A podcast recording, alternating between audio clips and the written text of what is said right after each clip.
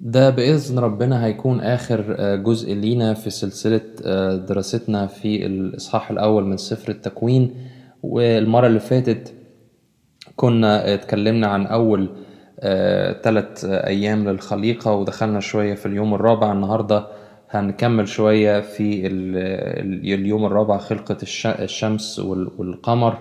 وبعد كده هنختم كلامنا باليوم السادس اللي بيخلق فيه آه، الله الإنسان وكل الدبابات اللي بتمشي على آه، وجه الأرض.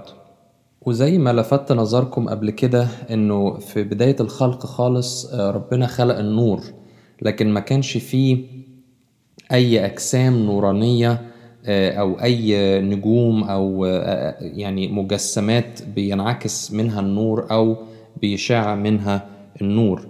فعشان كده آه، إحنا في في اليوم الرابع بقى للخلق آه، ربنا ابتدى بقى بيخلق الأجسام النورانية دي اللي هينعكس عليها آه، النور فهتنور بقية ال- الكواكب وبقية الكون. آه، لكن فكرة النور آه، نفسها كانت اتخلقت آه، مسبقا آه، في اليوم آه، الأول للخليقة. ولاحظ إنه في عدد 14 بيقول وقال الله لتكن أنوار في جلد السماء لتفصل بين النهار والليل وتكون لآيات وأوقات وأيام وسنين.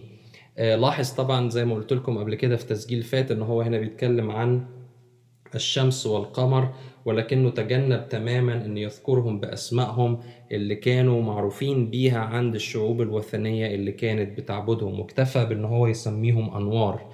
ودي الحقيقة حاجة من الحاجات اللي بتلفت نظرنا في نص آه، سفر التكوين في الإصحاح الأول إنه ال- ال- الحاجات ال- الشمس والقمر اللي هي كانت بالنسبة للشعوب الأخرى مخلوقات آه، آه، عفوا كانت آلهة بيعبدوها. سفر التكوين هنا بي بيسميها مجرد مخلوقات أشياء الله الواحد بيخلقها وهي بتطيعه وهو اللي بيسميها.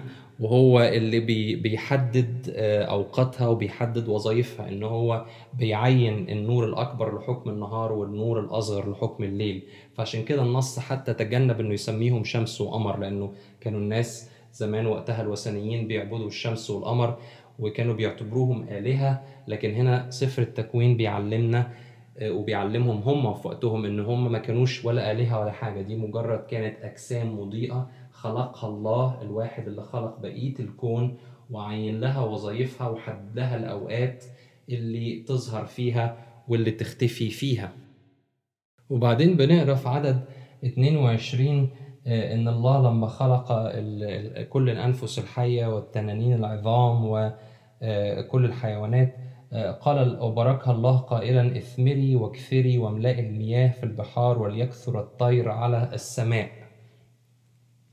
هو الحقيقة هنا آه، آه، كلمة آه، باركها الله هو أحسن آه، مفهوم ممكن نفهم فيه البركة اللي خلقها الله طبقا للأصل العبري اللي مكتوب به النص إنه ربنا آه، آه، أعطاها ال- القدرة على التكاثر والنسل واستمرار الحياة. وعلشان كده كان ال ال الألفاظ أو الكلام اللي بيقوله الله وهو بيباركها إنه كان بيعطيها وصية بإن هي تثمر وتكثر وتملى آه، المياه. وطبعا ال- الكلام هنا موجه لل- للحيوانات أو الكائنات الحية اللي عايشة في المياه وفي نفس الوقت هتتوجه نفس الكلام تقريبا آه، آه، بعد كده في اليوم الأخير للإنسان ولبقية الحيوانات والدواب اللي هتمشي على الأرض. فدايما هنا الله لما بيبارك هو فعل بركه يعني أحسن طريقة إن إحنا نفهمه بيها إن هو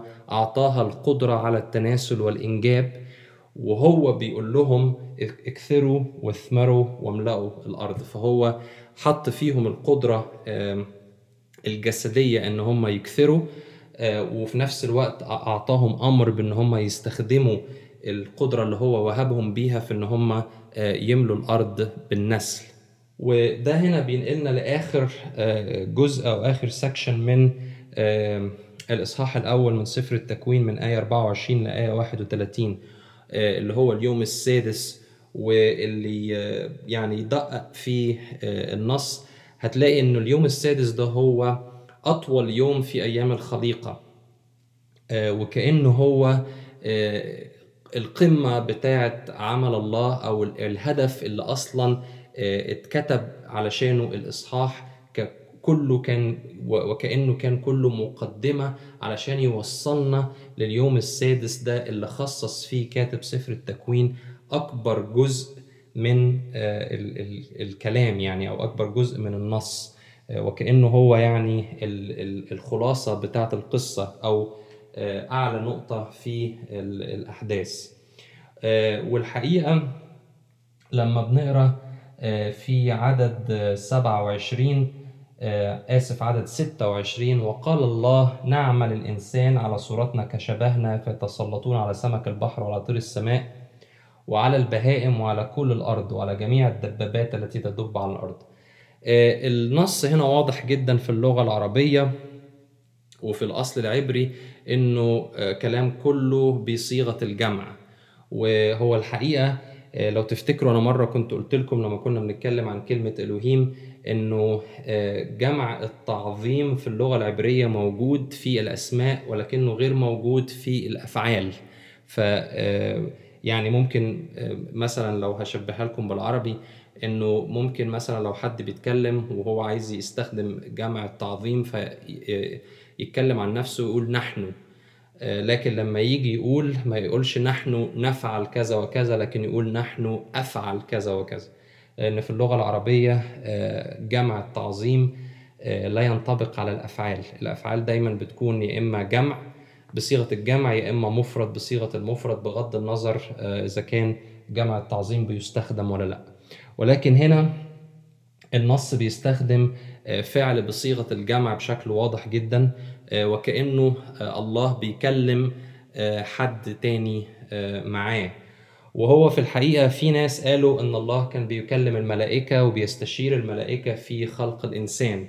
وده طبعا شيء يعني نقدر نقول إنه شيء شبه مرفوض لأنه الله مش هيشاور الملائكة في حاجة هو عايز يعملها لأنه مش مذكور قبل كده خالص إن هو شاور الملائكة في آه، أي شيء من عمليات الخلق فما بالك بقى بخلق الإنسان؟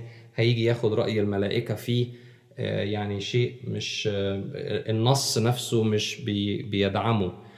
مفيش أي سبورت ليه في النص. الحاجة التانية إنه الملائكة لم تشترك في خلق الإنسان وإن الإنسان غير مخلوق على صورة الملائكة لكن الملاك الإنسان مخلوق على صورة الله. ف الحقيقة الطريقة الوحيدة إن إحنا نفهم بيها النص دي إنه دي إشارة واضحة لتعددية الله في الأقانيم وثالوثية الله في الأقانيم. إنه الله بيتكلم وبيتصرف آه، بيتكلم عن نفسه وفي نفس الوقت بيتصرف بصيغة الجمع وكأنه الأقانيم الثلاثة هم اللي بيشتركوا في عملية الخلق. ودي بعتقد أنا شخصيا إن هي أكتر طريقة منطقية أو بيدعمها النص ليه قبول فكرة آه، صيغة الجمع في الضمير وفي الفعل في الجملة آه، دي هي. وآخر حاجة هقولها علشان نختم بيها كلامنا عن إصحاح الأول من سفر التكوين كلمة آدم أو كلمة أضام. كلمة أضام في اللغة العبرية بمعناها ببساطة تراب وعلشان كده ربنا لما خلق آدم من تراب الأرض سماه آه، آدم أو أو ادام يعني باللغة العبرية. واللي يعرف منكم شوية في اللغات القديمة إذا كانت قبطي أو يوناني أو عبري فكانت الحروف آه، بتستخدم للإشارة إلى الأرقام. فأول حرف في اللغة العبرية اللي هو حرف الألف أو الألف آه، في اللغة العبرية هو الرقم واحد. وهي أول وهو أول حرف في آه، كلمة أدام. ومعنى آه، كلمة دام في اللغة العبرية بالعربي دم. فلما تحطهم مع بعض ألف ودم أو آه، هتبقى أول دم أو أول دم بشري أو أول خليقة بشرية. فالاسم الحقيقة ليه معاني كتيرة في من الأصل العبري يعني أدام كتراب الأرض أو آدام يعني أول دم آه، بشري فهو أول آه، خليقة الله آه، البشرية. ولما الله خلق آدم خلقه على صورته وزي ما النص واضح جدا هنا إن الله خلق آدم على صورته كشبهه ليتسلط على سمك البحر وطيور السماء إلى آخره. فالإنسان بيشبه الله كثيرا في صورته على ال- الله خلى الإنسان هو المتسلط على الخليقة وأخضع الخليقة آه، ليه.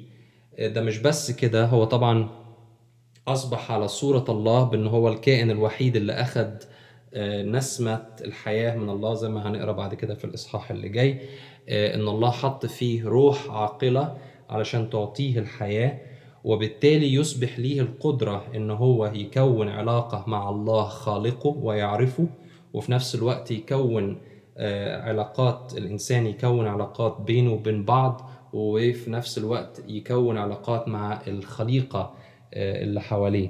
فالحقيقة الإنسان مخلوق على صورة الله آه، في أكتر من بأكتر من طريقة وبأكتر من معنى إنه علشان يتسلط على الخليقة ويرعاها زي ما الله هو سيد الكون كله لكنه مش السيد إن هو متجب متجبر أو آه، مسيطر على الكون لكنه بيخدم بيستخدم سلطته وسلطانه إن هو يخدم الكون. وفي نفس الوقت إنه آه، يكون علاقة مع الله ومع آه، إخواته البشر. وبكده نكون ختمنا وأنهينا كلامنا عن الإصحاح الأول من سفر التكوين. وإن شاء الله هنكمل مع بعض آه، بقية دراسة بقية الإصحاحات.